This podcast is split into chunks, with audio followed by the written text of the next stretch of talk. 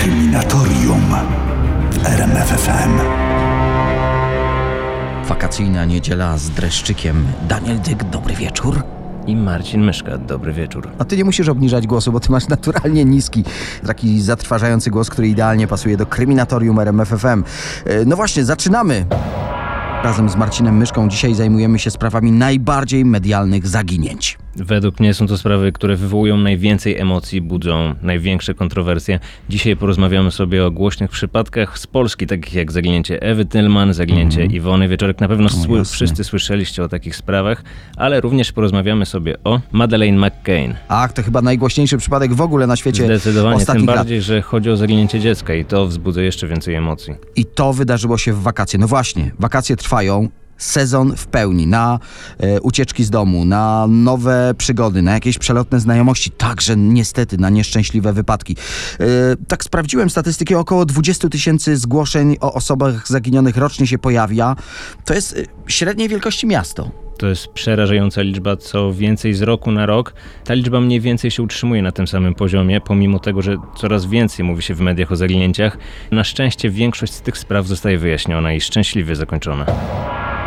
E, Mówimy teraz o zaginięciu małej Madi. To jest y, przypadek sprzed już 12 lat. Nie mogłem uwierzyć, że to się wydarzyło w 2007 roku. Mam wrażenie, że to było tak niedawno. Może dlatego, że ta sprawa jest wciąż żywa. Wydaje mi się, że każdy potwierdzi, że jest to jedna z najgłośniejszych, a może i nawet najgłośniejsza sprawa zaginięcia, z jaką kiedykolwiek mieliśmy w ogóle do czynienia. Niedawno powstał duży serial na ten temat. Y, Pamiętamy, że kryzys polityczny między Portugalią a Wielką Brytanią spowodowało zaginięcie małej dziewczynki. Wiele teorii spiskowych, wiele hipotez, a przede wszystkim mnóstwo pieniędzy, które zostały władowane w to śledztwo, ale wciąż tak naprawdę nie wiemy, co się stało, możemy tylko spekulować.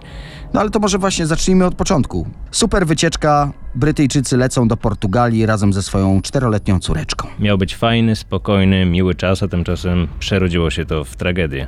Prawdziwy dramat. Dramat na skalę międzynarodową. Przypomnijmy wydarzenia tej nocy. Rodzice poszli do baru, twierdząc, że ten bar to właściwie kilka metrów od ich pokoju. W tym czasie dziecko zostaje w apartamencie i śpi. Mieli sprawdzać pokój co kilka godzin. Na zmianę raz robili to rodzice małej Madi, raz robili to ich znajomi, którzy również e, mieszkali obok w apartamencie. Jednak po jakimś czasie okazało się, że dziewczynki w pokoju nie ma. To wywołało wielki szok i rozpoczęły się wielkie poszukiwania. Ze względu na to, że to obcokrajowcy, mm, Portugalia postanowiła dołożyć wszelkich sił, żeby małą Madi odnaleźć, posterunki na kluczowych drogach, przeszukania przejeżdżających samochodów i różnego rodzaju pomoc ze strony, w cudzysłowie powiem, świadków.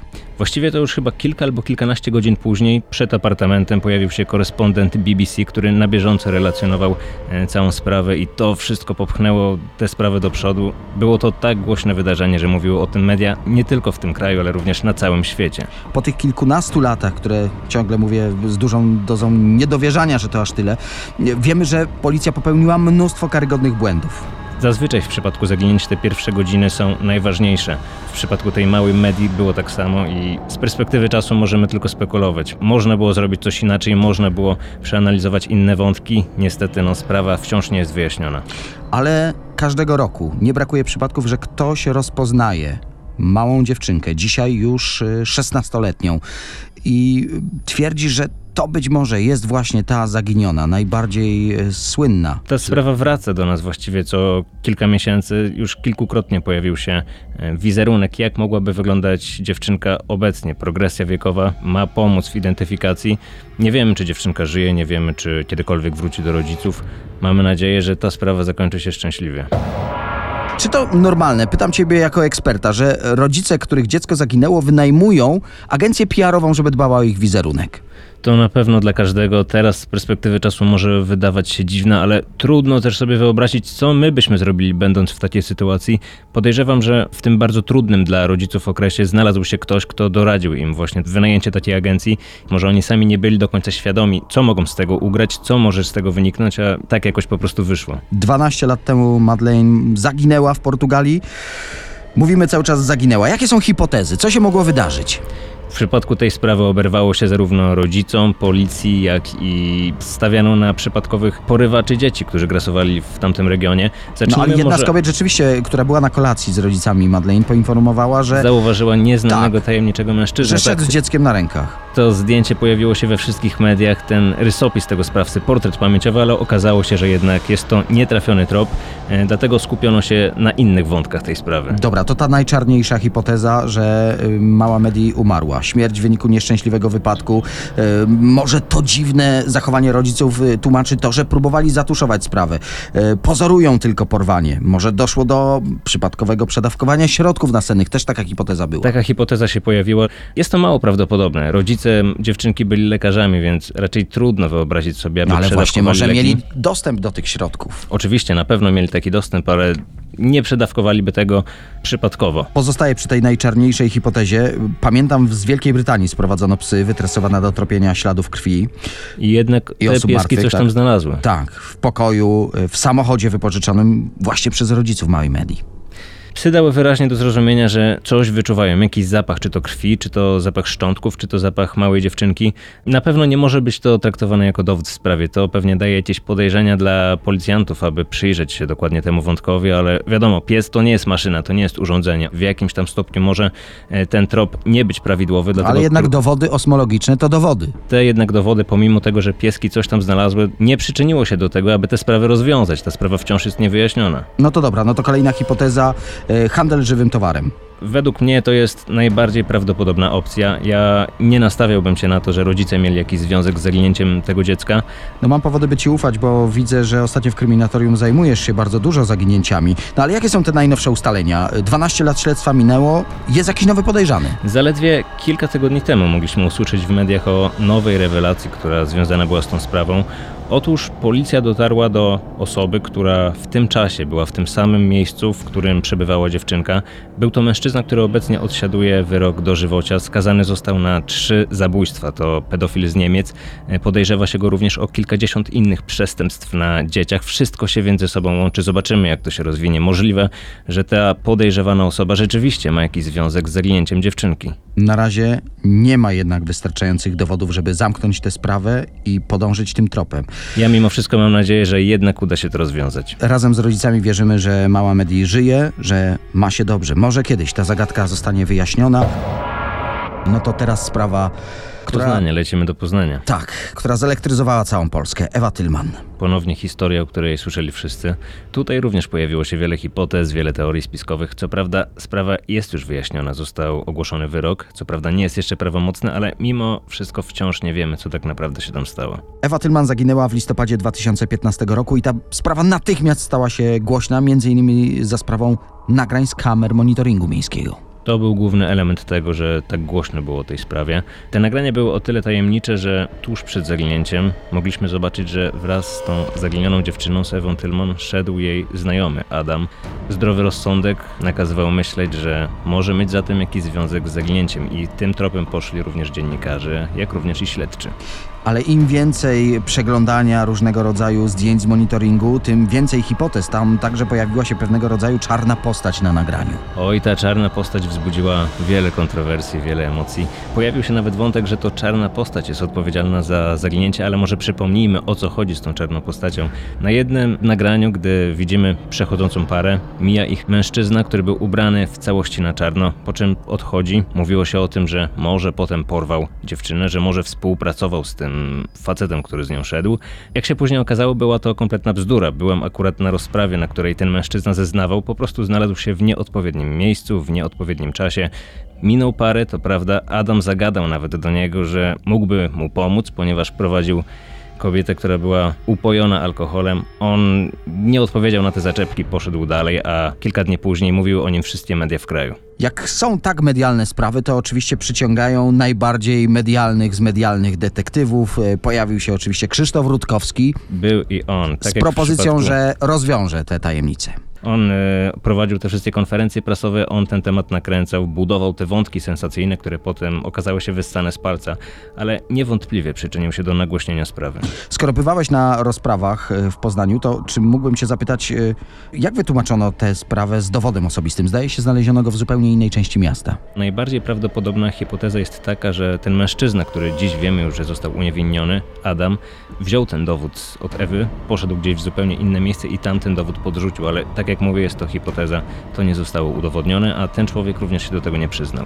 Kolejny głośny wątek e, sprowadzono aż z Niemiec psy tropiące. Bardzo ciekawa sytuacja, e, tym bardziej, że te psy pojawiły się w Poznaniu kilka miesięcy później i wiele osób zastanawiało się, czy jest w ogóle sens, czy zwierzę może wytropić cokolwiek po tak długim czasie. No i nieustająco trwały przeszukiwania dna warty. Przy okazji znaleziono kilka innych ciał. Tak, ja wielokrotnie powtarzam, że zarówno rzeki, morza, wszelkie zbiorniki wodne skrywają wiele tajemnic. Podobnie jest z naszą poznańską wartą. O tropach, o podejrzeniach, o setkach hipotezw i śledztw, które pojawiły się w internecie w sprawie Ewy Tylman. To jest nieuniknione, jeżeli sprawa jest nagłośniona, jeżeli, jest, jeżeli pojawia się we wszystkich mediach, to również i te hipotezy i te teorie spiskowe, które nawet wydają się nieprawdopodobne, wiadomo, że będzie ich coraz więcej. Przez pół roku y, internet właściwie cały czas y, kopiuj wklej. Y, Podawał taką takie hasło reguła nie ma zwłok, nie ma zabójstwa. Bardzo znana reguła, ale nie jest ona do końca prawdziwa. W historii pojawiło się wiele przypadków, kiedy to zbrodniarze zostali skazani, pomimo tego, że nigdy nie wykryto ciała, i w tym przypadku było podobnie. Przecież ten mężczyzna został zatrzymany w momencie, gdy wciąż nie wiedzieliśmy, co się stało z kobietą. Je- Jej ciało nie zostało wyłowione z rzeki, a mimo tego facet siedział w areszcie. No właśnie, nagłówki w prasie. Od zaginięcia Ewy Tylman minęło prawie 50 dni. Do tej pory nie udało się odnaleźć jej ciała. Główny podejrzany spędził w areszcie już ponad miesiąc. Zdaniem kryminologa trudno będzie postawić go przed sądem. Tak wtedy pisały gazety. Jak skończyła się ta sprawa? Rzeczywiście przez długi czas tego ciała nie było. Trwały przeszukiwania warty. Dopiero po wielu miesiącach udało się ciało odnaleźć, ale pomimo tego to ciało nie przyniosło odpowiedzi na te najważniejsze pytania i właściwie wciąż nie wiemy, co tak naprawdę się stało. No wiemy właśnie. tylko, że dziewczyna nie żyje i że znaleziono ją w warcie. Przypominam słuchaczom, którzy być może nie słuchali y, nas w poprzedniej godzinie naszego kryminatorium w RMF FM. Marcin bywał na rozprawach w Poznaniu. Jesteśmy świeżo po wyroku. Czy mógłbyś przypomnieć tym, którzy być może tak daleko nie interesowali się tą sprawą? Ten mężczyzna został uniewinniony, ale nie było to dla nikogo żadnym zaskoczeniem, przynajmniej dla osób, które rzeczywiście śledziły ten proces. Ale z były- braku dowodów, czy udowodnił, że nie był winny? Z braku dowodów, tam nie było żadnych konkretów potwierdzających jego winę. Co prawda, wyrok nie jest jeszcze prawomocny. Oskarżyciele zapowiedzieli już, że będą się odwoływać, ale wydaje mi się, że zbyt wiele się w tej kwestii nie zmieni. Był to nieszczęśliwy wypadek, czy ktoś inny? Moim zdaniem był to nieszczęśliwy wypadek, a ten mężczyzna po prostu był zszokowany, nie wiedział co zrobić i uciekł. To jest moja hipoteza. Tego nie udało się potwierdzić. On przyznał się do takiej wersji zdarzeń, potem odwołał zeznania. Wydaje mi się, że to jest najbardziej prawdopodobne. Marcinie, czy ja mam y, wrażenie, że ty ostatnio trochę sfokusowałeś się na innym rodzaju spraw, bo kiedy przeglądam twoje podcasty, to tam jest dużo o morderstwach, o seryjnych morderstwach, o jakichś tajemniczych sprawach, a ostatnio głównie skupiasz się na zaginięciach. To jest twój, nie wiem, no, nowe Tak, hobby. zdecydowanie. Wydaje mi się, że te zaginięcia wywołują najwięcej emocji i są takie najbardziej przerażające. Ale co, je- dają nadzieję, że ta osoba jeszcze żyje, tak? Że może trafisz na jakiś wątek, który doprowadzi śledczych do W wyjaśnienia tej przypadku sprawy? takich spraw jak na przykład Iwona Wieczoryk, o której zaraz opowiemy, to nie oszukujmy się, ta nadzieja jest niewielka, ale mimo wszystko dopóki ciało nie zostało odnalezione, to wciąż ta nadzieja jest i pewnie bliscy tej dziewczyny cały czas wierzą, że może pewnego dnia wróci do domu. No to w takim razie y, od początku. Rok, 2010, wakacje, młoda właściwie dziewczyna, lipiec, czyli to jest mniej więcej ten sam czas. Tak, już, już właściwie niedługo będzie rocznica zaginięcia. Młoda dziewczyna wychodzi wraz ze znajomymi do muzycznego klubu do Sopotu. Tam dochodzi do niewielkiej sprzeczki, wychodzi, wraca na pieszo do domu. Miała kilka kilometrów, mieszkała w Gdańsku na Jelitkowie. Po drodze rozładowuje się telefon i kamera nagrała te ostatnie chwile tuż przed zaginięciem, które na pewno wszyscy widzieliście. Widzieliśmy y, faceta z ręcznikiem na szyi, y, szukał go przez jakiś czas cały kraj i wciąż nie wiadomo, kim był. Właśnie, ten mężczyzna nawet ma już swoją nazwę, facet z ręcznikiem i każdy wie o co chodzi. Mhm. Mówi się A, nawet po- o nim też, że marynarz. Skąd takie Tak, e, osoby, które są zaznajomione z tematem zauważyły, że miał bardzo charakterystyczny chód i podobno Taki na szerokich nogach, jak się chodzi na pokładzie, prawda? Coś można było zauważyć i podobno taki chód jest charakterystyczny dla osób, które ledwo co zeszły z pokładu. E, Spekulowano, że może jest to obcokrajowiec, który dzień lub dwa dni wcześniej przypłynął do Gdańska, a potem wypłynął w kolejny rejs i dlatego nie udało się go Ślad po schwytać. nim zaginął. Tak, ale to Jak tylko jedna z hipotez. Mhm. Dobra, to kolejna w takim razie. Ekipa sprzątająca bardzo gruntownie na różnego rodzaju zbliżeniach prześwietlono niemalże furgonetkę ze śmieciami. Nawet kilka miesięcy temu w internecie pojawiła się taka bardzo głośna teoria spiskowa mówiąca o tym, że na pace jednej z tych furgonetek ze śmieciami leżała Iwona Wieczorek. Ta No tam nawet dwa ciała y, dostrzeżono. ale były tam nawet analizy, że była tam twarz Iwony. Ta hipoteza miała bardzo wiele nieścisłości. Nie zatrzymano nikogo w tej sprawie, więc jak widać, ta hipoteza się nie potwierdziła. No właśnie, to, to jeszcze pozostaje znowu część wspólna w takich sprawach, czyli handel żywym towarem. To też teoria, że została być może porwana, sprzedana za granicą. Jaka jest twoja teoria? Jak to się mogło wszystko wydarzyć? Moim zdaniem Iwona została porwana, ale przez osoby, które musiała znać. Podejrzewam, że gdzieś, gdy było już blisko domu, gdy wyszła może z parku Regana, spotkała znajomych. A dlaczego musiała ich znać? Nie znałem Iwony osobiście, ale według tego, co opowiadali o niej bliscy, opowiadała o niej rodzina, nie wsiadłaby do samochodu nieznajomego mężczyzny. Może było też również i tak, że ktoś potrącił Iwonę. Ten człowiek był zszokowany, nie wiedział co zrobić, zapakował ciało do bagażnika i odjechał, ale ten wątek był sprawdzany przez śledczych, wykluczono go. Wydaje mi się, że musiała to być osoba, która zna Iwonę i tak to się skończyło. Ale ta sprawa ma zdecydowanie więcej niewiadomych. Y, Zamknijmy ją w naszym kryminatorium w RMFFM. Kolejny wątek zaginięć w kryminatorium RMFFM. Marcin Myszka, autor najpopularniejszego zbrodniczego podcasta w internecie. Informatycy z Krakowa. Tak, teoria spiskowa, która budziła bardzo dużo kontrowersji, e, ale to już kilka lat temu. Ale to niewiele brakowało, żebyśmy nie mówili o tym w programie o zaginięciach, tylko o seryjnych mordercach działających na terenie Polski. Tydzień Właściwie temu tak. moglibyśmy o tej sprawie mówić, prawda? każdy temat moglibyśmy przypiąć y, również i to zagadnienie. Ale skupmy się na tej teorii. Do zaginięć dochodziło w latach 2008-2011. Młodzi mężczyźni ginęli. Związani z branżą informatyczną, to stąd bardzo wzięło się ważne i pseudonim przede tej akcji. wszystkim Mhm. mieli również y, nazwisko, które zaczynało się na literę K. Ginęli regularnie co pół roku. Nic dziwnego, że internauci znaleźli w tym jakieś podobieństwa i doszukali się teorii spiskowej. No i jeszcze jedna część wspólna, czyli kluby, zwłaszcza jeden, y, znajdujący się tuż przy Wiśle. Była hipoteza, że wszyscy przed zaginięciem pojawili się w tym samym klubie. No to wzbudza bardzo duże emocje, a nie ukrywajmy, wszyscy lubimy teorie spiskowe i wszyscy lubimy ten wątek tajemniczości, więc ta hipoteza, ta teoria spiskowa zaczęła żyć własnym życiem w pewnym okresie. No właśnie, y, jesteś zdecydowanie bardziej kompetentny w tej sprawie. Ciała wyłowione z Wisły. Śledztwo ujawniło, że tutaj było działanie osób trzecich? Policja zdementowała te informacje. A, nie ma widzisz. żadnego seryjnego mordercy w Krakowie, możemy widzisz. być spokojni. E, Ale co ciekawe, każde kolejne zaginięcie, jeżeli chodzi o młodego mężczyznę, zawsze gdzieś w komentarzach ktoś doszukuje się powiązań właśnie z tą teorią. No to żeby daleko nie szukać, no to y, jako, że jestem człowiekiem, który mieszka w Krakowie, y, sprawa Piotra Kijanki, no to, Tak, to wywołało przeogromne sprawa. kontrowersje. I znowu Nie był- sprawa informatyków y, z Krakowa odżyła. Pomimo tego, że ten mężczyzna nie był informatykiem, rocznik też się nie zgadzał, to jednak nazwisko na literę K i Mm. to wystarczyło, aby podpiąć to również i pod te teorie spiskowe. Miejska legenda. Tylko miejska legenda. Miejmy taką nadzieję, że tak naprawdę w Krakowie ani nigdzie na terenie naszego kraju żaden seryjny morderca nie grasuje.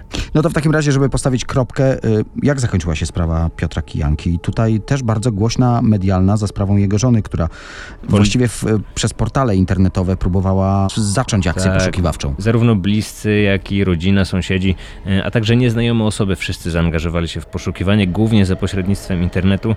Wszystko wskazuje na to, że najprawdopodobniej był to nieszczęśliwy wypadek. Tak, niemniej jednak z wahaniem w głosie powiem, że miejska legenda o informatykach z Krakowa będzie w tym mieście żyła nadal. Kryminatorium w RMFFM.